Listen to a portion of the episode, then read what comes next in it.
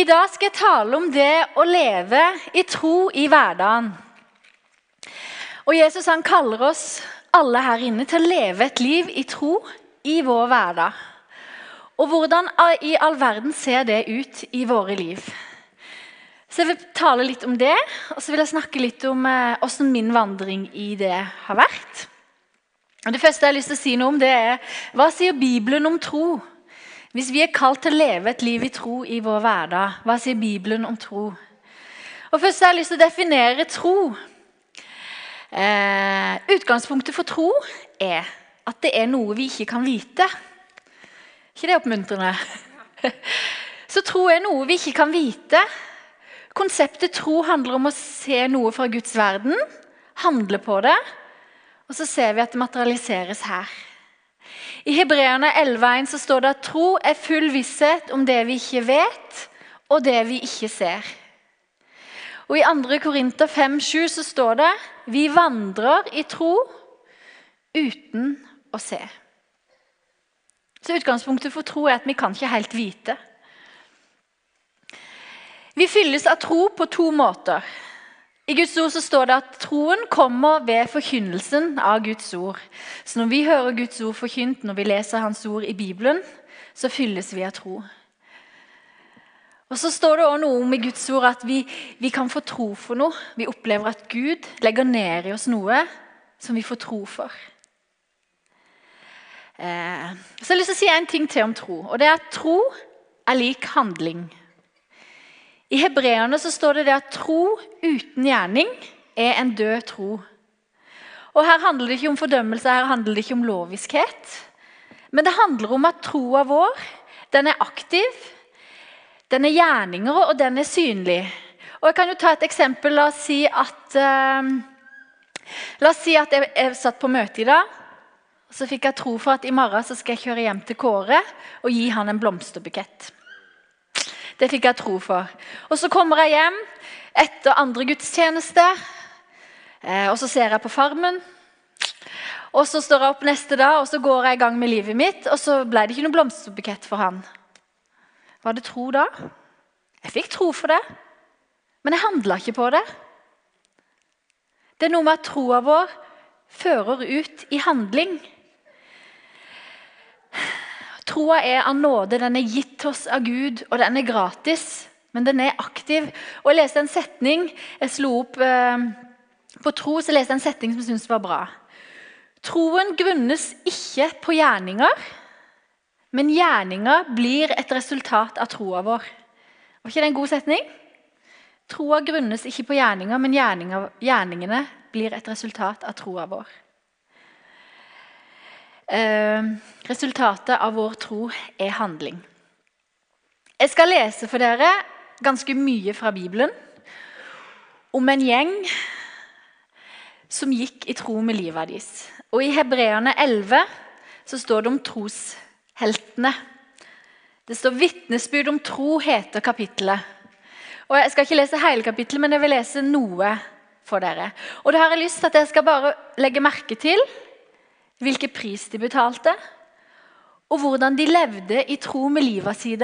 Og noen av de levde i tro hele livet uten å se at det som var lovt dem, kom. Men de ønska det velkommen når de, når de endte livet sitt, for de trodde. Så hør på dette. Jeg skal lese fra Hebreane 11, 1 og kanskje til og med 13. Troen er pant på det vi håper, et bevis på det vi ikke ser. For sin tro fikk de gamle godt vitnesbyrd. I tro forstår vi at verden er skapt ved Guds ord, og at det vi ser, har sitt opphav i det usynlige. I tro bar Abel fram for Gud et bedre offer enn Kain. Fordi Abel trodde, fikk han vitnesbyrd om at han var rettferdig. Det vitnet Gud om da han ofret. Og med sin tro taler han enda etter sin død. I tro ble Enok rykket bort uten å dø. Ingen så han mer, for Gud hadde tatt ham til seg. Før han ble rykket bort, fikk han vitnesbyrd om at han var til glede for Gud. Uten tro er det umulig å være til glede for Gud. For den som trer fram for Gud, må tro at han er til, og at han lønner den som søker han. I tro fikk Noah varsel om det som ennå ikke var synlig. I gudsfrykt bygde han en ark og berget sin familie. Hans, dom, hans tro ble en dom over verden, og selv ble han arving til den rettferdighet som troen gir. I tro var Abraham lydig da han ble kalt, så han dro ut til et land han skulle få i arv. Han dro av sted uten å vite hvor han kom. I tro levde han som fremmed i det landet Gud hadde lovet han. Han bodde i telt sammen med Isak og Jakob, som var medarvinger til det samme løftet. Her er det masse tro, folkens. Og så synes jeg det er så sterkt, så står det For han ventet på byen med de faste grunnvoller, den som, Gud, den som har Gud til byggmester og skaper. I tro fikk også Sara kraft til å grunnlegge en ett, enda hun var ufruktbar og for gammel til å få barn. For hun stolte på at han som hadde gitt løftet, var trofast. Fra en mann som var uten livskraft, kom derfor en ett så tallrik som stjernene på himmelen og så talløs som sanden på havets strand. I denne troen døde alle disse uten å ha fått det som var lovet. De bare så det langt borte og hilste det, og de bekjente at de var fremmede og hjemløse på jorden. Her ser vi en gjeng med mennesker. De var mennesker som deg og meg. Og så fikk de et løfte fra Gud. Vi ser Sara hun ble lova en sønn. Og så står det at hun trodde at han som hadde gitt løftet, var trofast. Og så har vi Noah. Og vet du hva, Det er ikke rart at folk trodde han var gal. Men han stolte på Gud. Han trodde at Gud hadde lagt ned i han noe. Og Når du leser i hebreerne, så ser du hva alle disse menneskene gjorde i tro uten å vite. Det står noen brøt opp, de handlet på, de gikk i tro. Og Jeg vet ikke åssen det er med dere, men av og til så tenker jeg litt sånn at uh, det var sikkert mye lettere på den tida der å leve i tro. Og så vet jeg jo at det er ikke sant. Men, men jeg sier til meg sjøl sånn Ja, det må ha vært mye lettere for Noah i den situasjonen han var, å bygge en ark enn det hadde vært for oss her nå. Og så har jeg ingen gode argumenter inn i det. Det eneste er at det kanskje hjelper meg litt i min egen tilkortkommenhet å tenke sånn. Vi ser mange eksempler i Det nye og Det gamle testamentet på folk som gikk i tro. Du har det her eksempelet med, med disiplene som har vært ute og fiska hele natta og ikke fått fisk. Så sier Jesus at dere skal hive garnet ut på den andre sida. Og vet du hva, folkens, Her snakker vi ikke om at det er fornuftig å gjøre. Jeg har fiska mye opp igjennom, men jeg kan ingenting om sånn fiske. og sånn. Men jeg tror ikke det er logikk å hive garna over på andre sida fem meter lenger hen. så skulle det være mye fisk der. Men de gjorde det i tro, og så fikk de så mye fisk at båten holdt på å synke. Eller når Jesus var ute med disiplene, eh, og de skulle plutselig mette 5000 og jeg må jo si, Hadde jeg vært med Jesus, da, så hadde jeg tenkt litt sånn Jesus, nå ble du veldig ivrig. Du er sikkert litt sliten og tenker ikke klart. For det er jo helt tydelig at vi har to brød og fem fisk her. Vi kan ikke mate alle disse menneskene med det her. Og så hadde jeg begynt å tenke logikk og resonnere. Så jeg tenkte at nå må Jesus få hvilt litt, og så må vi sikkert sende disse menneskene hjem så de får mat. Og så kan vi bare fortsette noen dager til. ikke sant? Mens disiplene de begynte forsiktig med de her brødene og med fiskene i tro. Jeg er sikker på at de hadde vært like skremt som vi to hadde vært. Og jeg er sikker på at de var like fornuftige oppi skolten som vi er. I hvert fall av og til. Men så begynte de å dele ut i tro. Så metta de 5000. Og det er fullstendig umulig matematisk at det kan gå opp. Og Så ser vi at mange av disiplene og de som fulgte etter Jesus, det står i Bibelen at i tro så ga de vekk alt de eide. Og Så står det i tro, så ga, solgte de alt de eide, og så ga de det til de fattige. Og så tror jeg ikke det var lettere for de å leve i tro enn det er for oss nå. De var vanlige mennesker som meg og deg. Og Jeg har lyst til å si, fortelle litt om eh, noe av min vandring i det å leve i tro.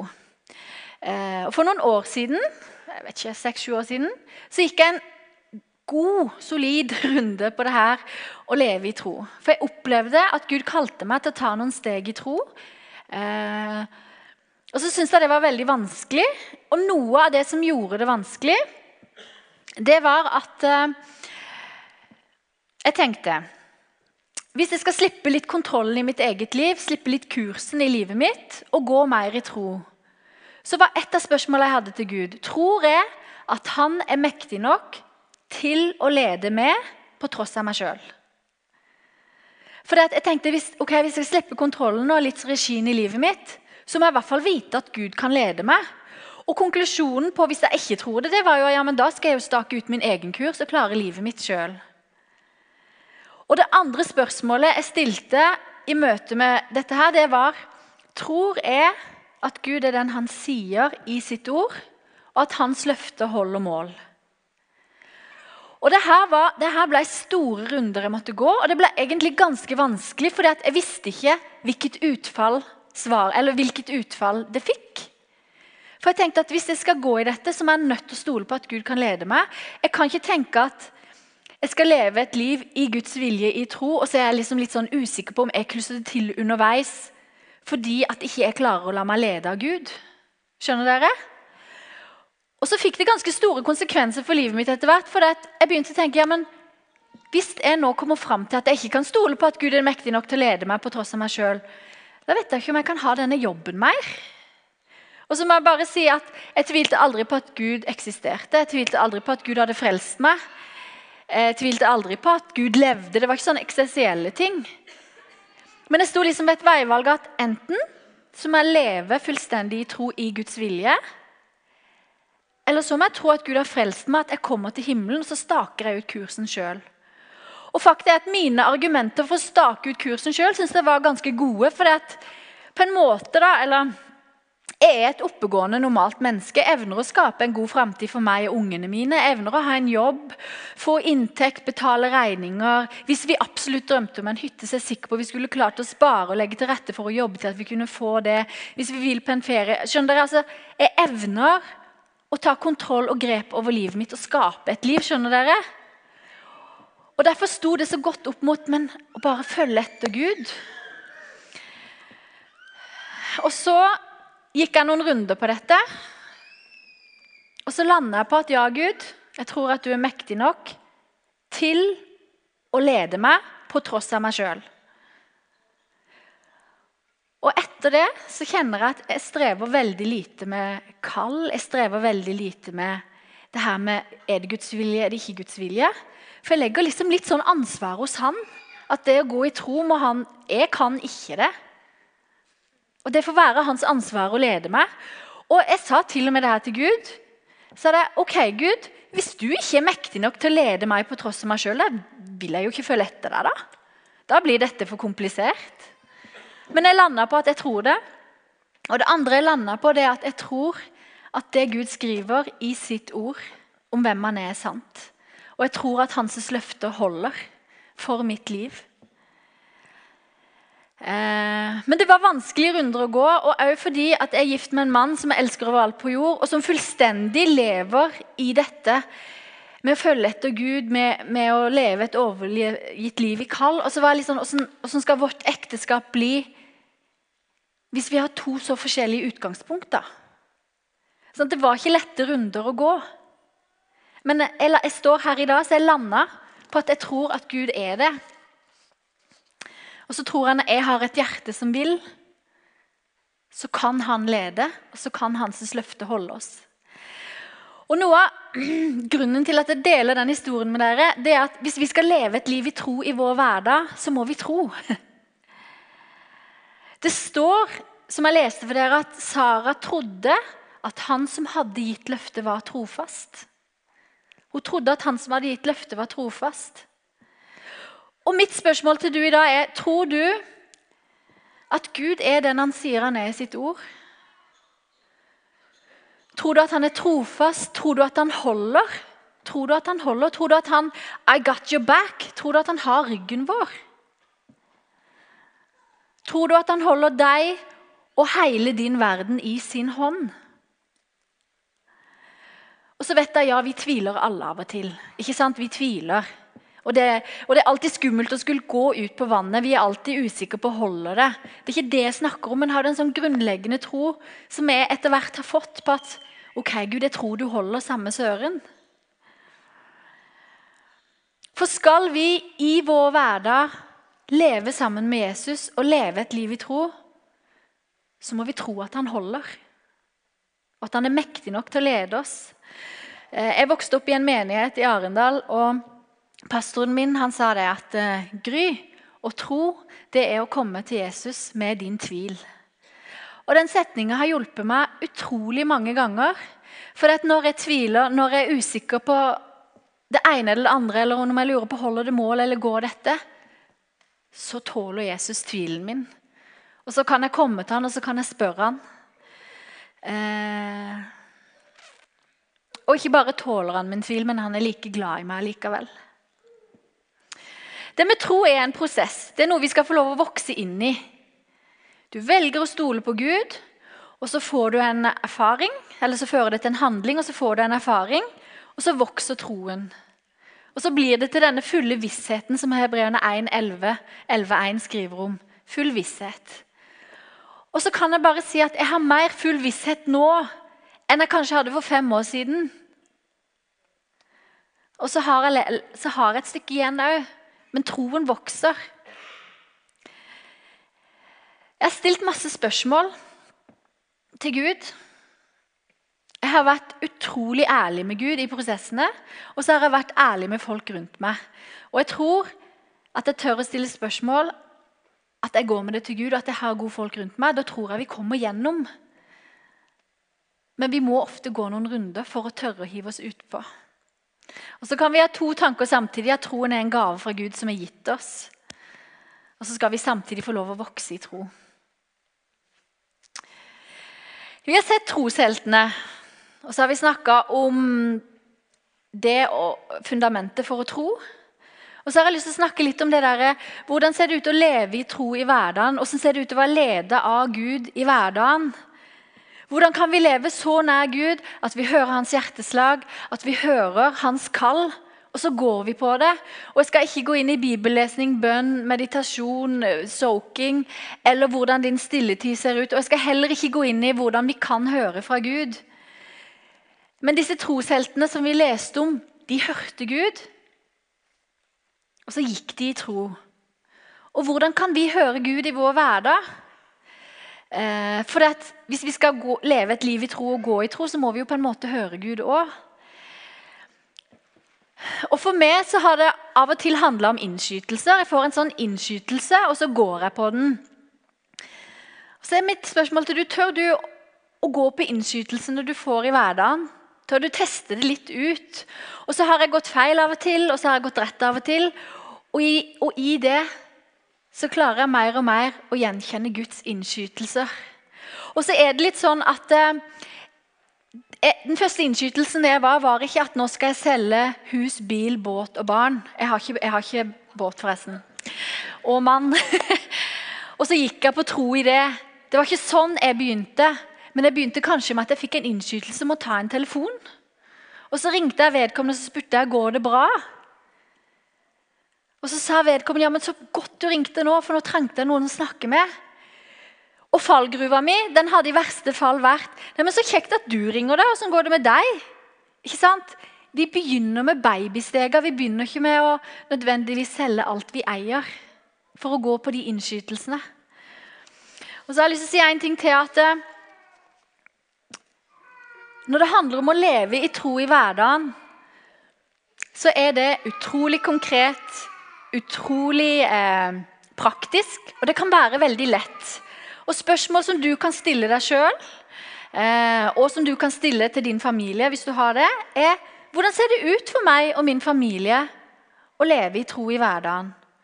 Hvordan ser det ut for oss å leve i tro når det gjelder tidsbruk? Hvordan ser det ut for oss å leve i tro når det gjelder økonomi? Hvordan ser det ut for oss som familie eller for meg å leve i tro når det gjelder ressursene som Gud har lagt ned i meg? Og vet du hva? Å leve i tro i hverdagen kan være så enkelt og så konkret som å si at vi tror at vi som familie skal gå på gudstjeneste hver søndag. Det kan være å leve i tro med ditt liv i din hverdag. Tror jeg det er Guds vilje at jeg skal gi til de fattige? Tror jeg å leve i tro i hverdagen er å gi tiende? En kan stille spørsmål som har jeg tro for at jeg skal jobbe litt mindre, ha litt mer tid og bety noe inn i noen flyktningers liv? Det å leve i tro kan være utrolig konkret og utrolig praktisk. Og Jeg sier ikke dette nå for å provosere noen eller for å liksom skape noe vond samvittighet. eller noen ting. Men jeg har lyst til å gjøre et poeng ut av at det å leve i tro med Gud i hverdagen er ikke sånn at vi må sitte på gulvet med beina i kryss og lage en sånn meditasjonsstilling og søke Han og rugge fram og tilbake. Og plutselig så kom det en steintavle som sa et eller annet. Men det å leve i tro kan være utrolig praktisk og konkret og håndterbart.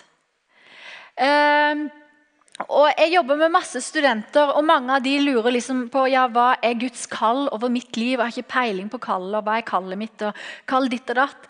Og så snakker vi ordentlig om det. Kall ditt og datt, ja. Men, eh, og en ting som jeg alltid sier til dem, er at eh, hvis du begynner å lese i Bibelen og du ser hva Gud kaller oss til å leve gjennom sitt ord, så er det nok kall over ditt liv til å fylle opp hele livet ditt, og vel så det. Gud han sier at vi skal trøste de som sørger. Vi skal gi til de fattige. Vi skal være gode mot alle. Eh, skal, ikke sant? Det er så mange ting som er så utrolig konkrete, som Gud kaller oss til. Fordi vi er hans barn. Så det å leve i tro i hverdagen kan være utrolig konkret og utrolig enkelt. Og ikke sånn veldig mystisk og vanskelig.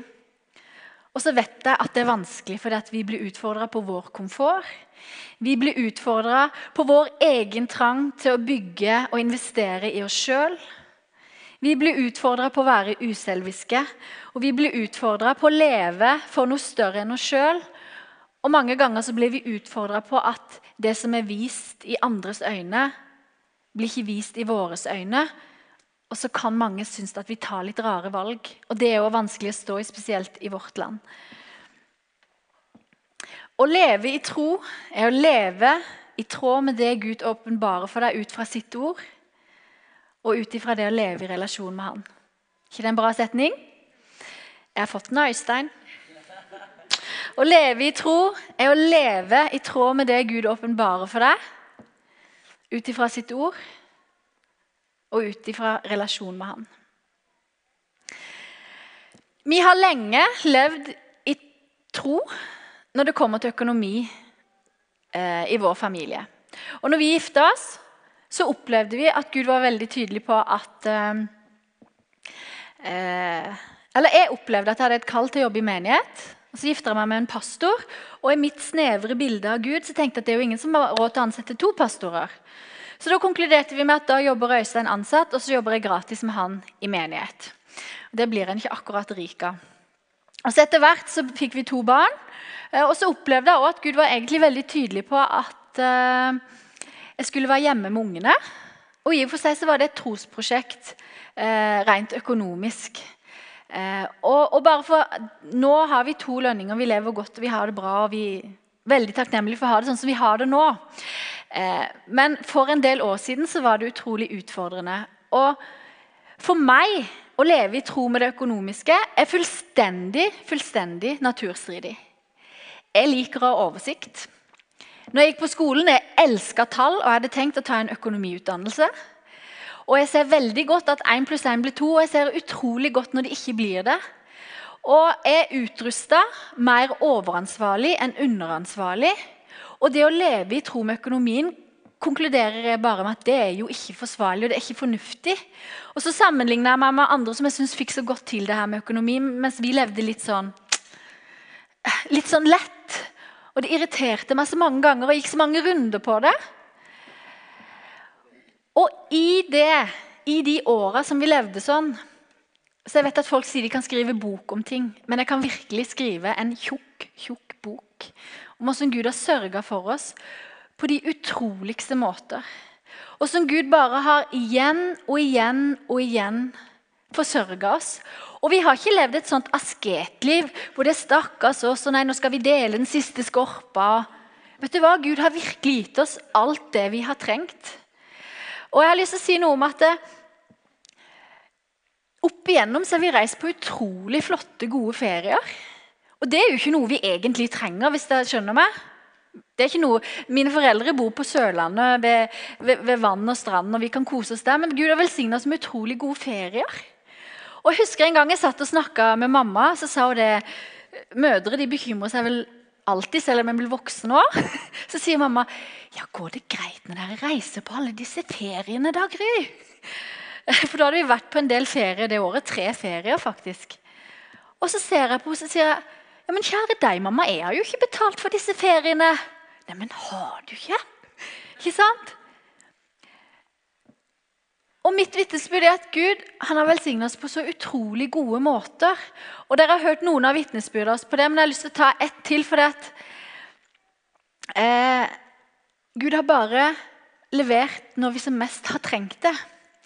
Og når vi først, eh, første tida vi var gift, så bodde vi i New York. Øystein var pastor i en menighet der, og jeg studerte. Og På den skolen jeg studerte, Liberty University, så fikk jeg et eh, scholarship, et stipend. Og Mange av dere tror sikkert at jeg fikk det stipendet fordi jeg er veldig smart. Men sannheten er at jeg fikk det stipendet fordi jeg var a pastor's wife. Only in America. Så jeg fikk stipend i kraft av at jeg var en pastorkone. Love it.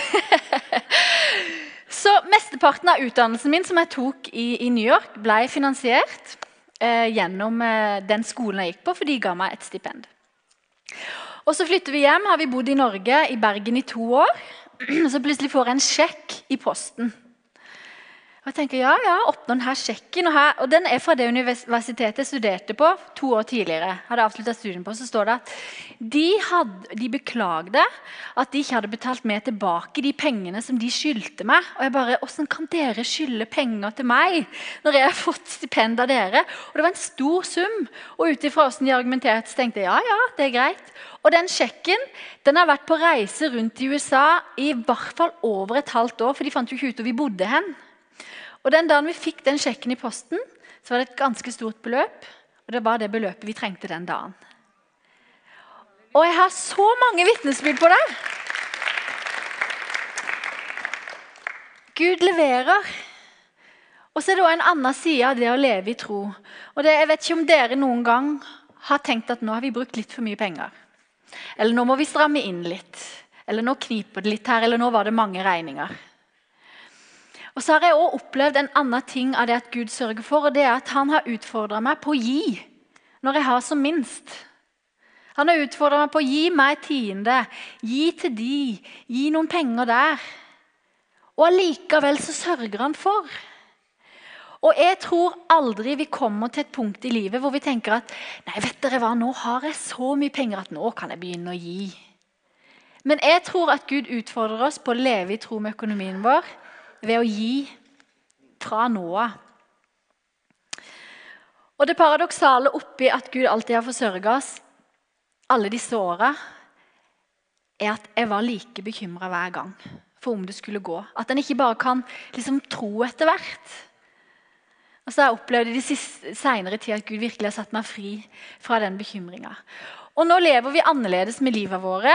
Vi har to lønninger, vi jobber begge to her, og vi har det godt. Og vi er utrolig takknemlige for å kunne leve sånn som vi lever.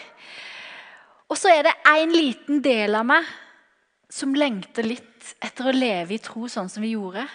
For det at jeg får lov å oppleve så mange mirakler. Der det er bare ingen mennesker som kunne ha visst. Der det bare ikke er mulig at noen kunne, og så bare kommer Gud og sørger for. Det savner jeg litt. Så er det en stor del av kontrollgry som ikke savner det. Men jeg savner det litt. Jeg tror at En måte vi kan leve i tro på, er å spørre Gud hvordan skal jeg bruke tida mi. Hvordan skal jeg velsigne andre? Hvordan kan jeg bruke det jeg har, og det jeg er, til å ære deg? Og Et spørsmål du kan stille deg, Hva har du lagt ned i meg som jeg skal leve i? Å leve i tro er å aktivt søke Guds vilje for ditt liv. Og Jesus han sa det at 'jeg gjør ingenting uten at far har vist meg det. Og når vi lever et, tro, et liv i tro, så må Jesus vise oss hva vi skal gå i. Og jeg har lyst til å si noe om det å leve i tro i vårt samfunn. For I vårt samfunn så har vi sånne ord som preger samfunnet vårt veldig. Uh, og Et ord som jeg tenker er veldig ikke populært, men veldig sånn viktig ord i Norge, er fornuft. Det å leve fornuftig, det er veldig fint. Og vi snakker om og hun her hun er veldig sindig. Det er veldig veldig bra. Er dere enige? Det, gir sånn, det er bra folk. Eh, så snakker vi om ja, den, han er så vis. Og så tenker vi ja, det er en flott person. Og så snakker vi om de der er veldig reflekterte og oppegående. Og så er det sånne ord som vi bare tenker at det er veldig bra å være sånn. Og det er veldig bra med sånne ord. Og så snakker vi om at ja, det er veldig sosialt riktig å gjøre sånn. Og så setter vi det veldig høyt, og jeg, i hvert fall jeg gjør det. Eh, og så er vi opptatt av å ikke gjøre noe som ser rart ut, for vi har sånne ord som fornuft, reflektert, sindig, vis, som vi bruker mye. Og det motsatte av disse ordene kan være litt sånn ja, ja Hun er jo kanskje litt naiv, da? Nei, det var ikke helt gjennomtenkt. Eller vi kan si ja, vi har jo fått en fornuft som vi skal bruke. Um, og jeg for min del har vært veldig opptatt av de tinga. Um, jeg har alltid vært opptatt av logikk. Ting skal være logisk. Jeg har alltid vært opptatt av å resonnere og tenke fornuftig. Og jeg har alltid vært opptatt av at folkens, vi trenger ikke å ta av. Ikke sant? Vi trenger ikke ta helt av. og Øystein, min mann, han sier det. Gry, av og til så tenker jeg at du er født med bremsen på. Ikke sant? Trenger ikke ta helt av. Eh, og vet du hva? Jeg har i den siste tida øvd meg på å være motsatt. Jeg, jeg øver meg på å si ja før nei. Jeg øver meg på å tro før jeg ikke tror. Og i 94, da var jeg 19 år, jeg var forlova med Øystein og Så kom det noe galskap inn over landet vårt. Og Det var en sånn Toronto-vekkelse. Og, og, Det var kjempefint, det, altså, men, men, for min del så tenkte jeg nei, dette her går ikke opp for meg. tenkte jeg, nei, Dette her er jo ikke helt eh, rasjonelt. Nei, Dette her er vel kanskje føleri. Nei, dette her er ikke jeg opplært i. Nei, det, nei, dette kan ikke jeg tro helt på. Og så var jeg liksom bare, jeg satt og betrakta og tenkte og resonnerte. Og så sier Øystein en setning. Er ikke, du opptatt, er ikke du åpen for det Gud har? sier han. Og så tenkte jeg jo, det vil jeg være. Det endte med at jeg tok et fly til Canada uten Øystein. Og så var jeg en uke på konferanse i Toronto.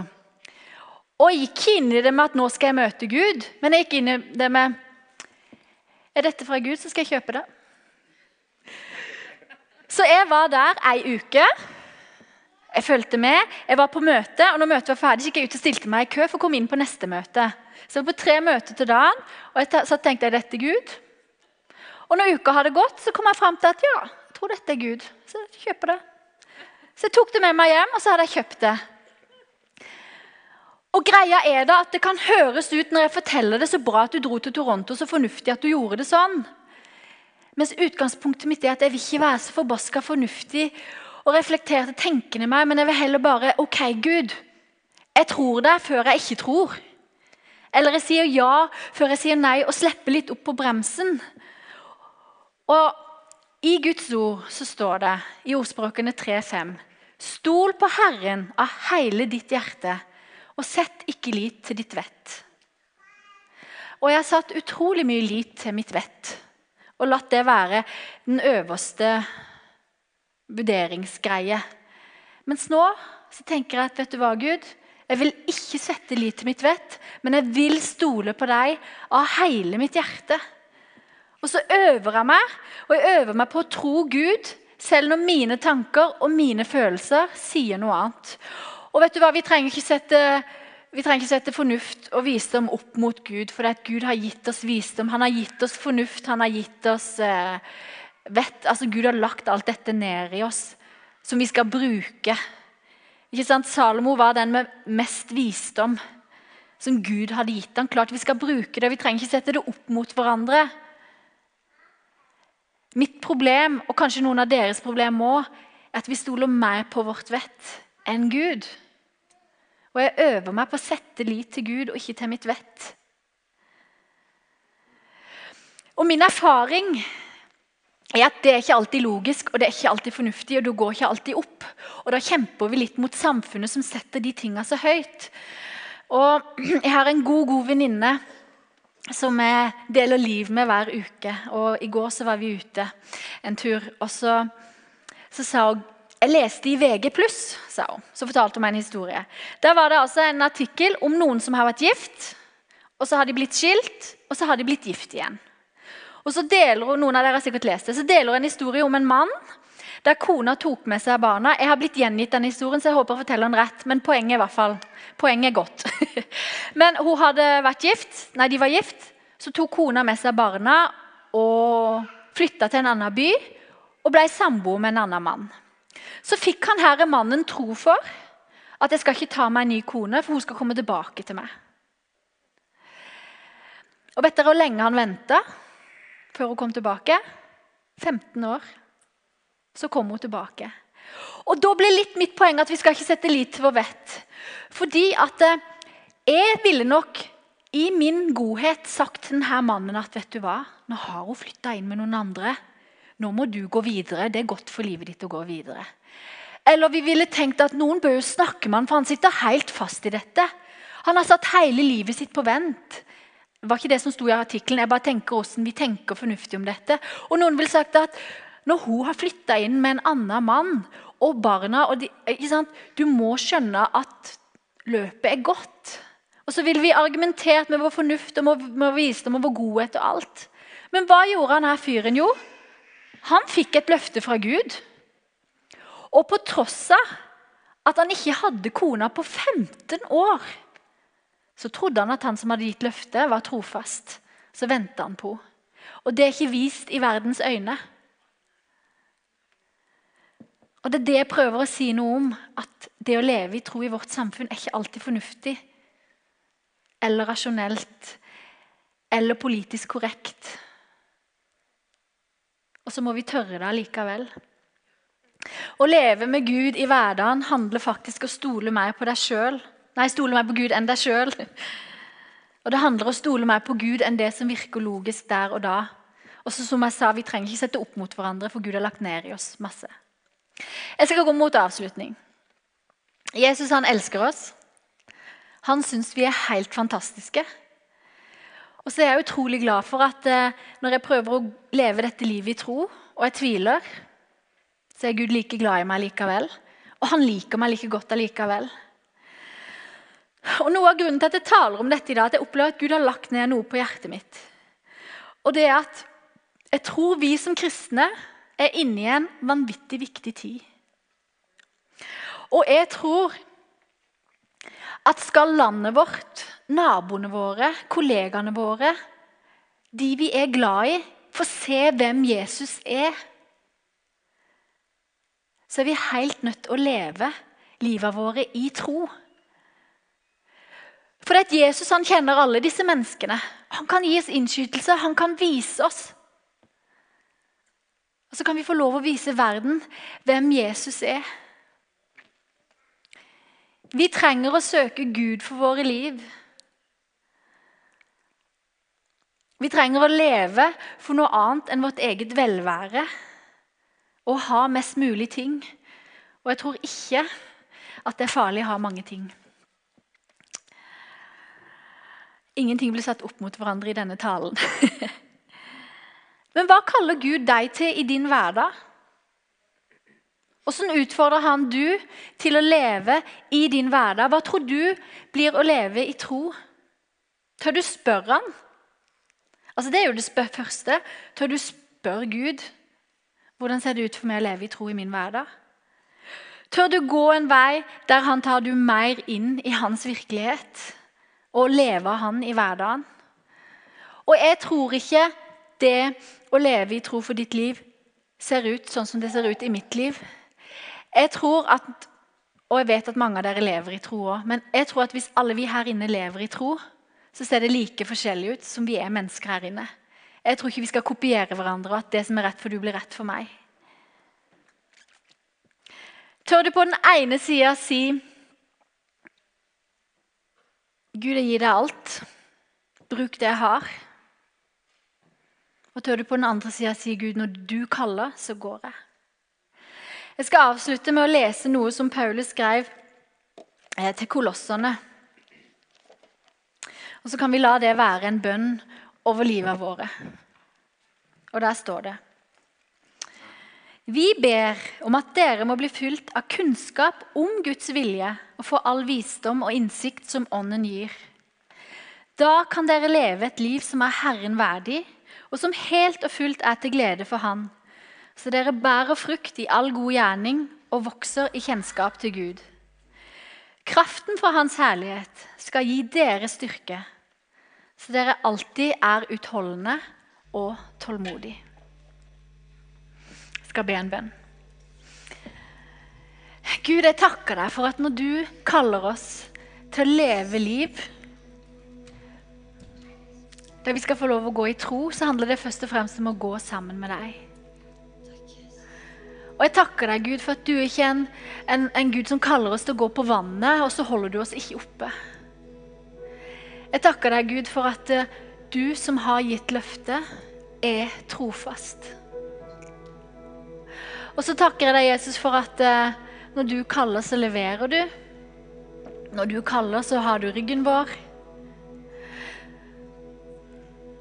Og så takker jeg deg, Jesus, for at når vi lever i din vilje med våre liv, i tro med våre liv, så lever vi det beste, beste livet som tenkes kan, Jesus. Og jeg ber deg, Jesus, om at vi fra i dag skal få lov å stille spørsmål inn i livet vårt som gjør at vi kan ta konkrete steg allerede i dag eller i morgen på å leve mer i tro med livet vårt. Jeg ber deg om at du bare skal komme til hver enkelt nå, Jesus. Og gi dem en innskytelse, gi dem tanker om hvordan den kan se ut. Og ta et steg i tro med livet ditt, Jesus. Og så takker jeg deg, Jesus, for at du har aldri kalt oss til å gå alene. Men vi ved troen har fått din ånd som pant. Og den bor i oss. Og vi skal ikke gå i egen kraft, Jesus, for den samme kraft som reiste deg opp fra de døde, den bor i oss. Og det er den kraften som gir troa vår bein, Jesus, så vi kan gå og Jeg ber deg, Jesus, om at vi som er her inne, må bli sånne mennesker som lever liv som teller for evigheten. Som lever sånne liv at mennesker rundt oss blir forvandla, for de ser hvem du er. Ikke for alt vi kan og alt vi gjør, men fordi at du får slippe til, Jesus. Så kom og rør oss ved din ånd. Kom og istandsett oss, Jesus. Og Jesus, sett oss fri fra å leve for oss sjøl. Sett oss fri fra å leve for vårt eget velvære og vår egen trygghet og vår egen Og hjelp oss å leve helt hengitt til deg, Jesus. Amen.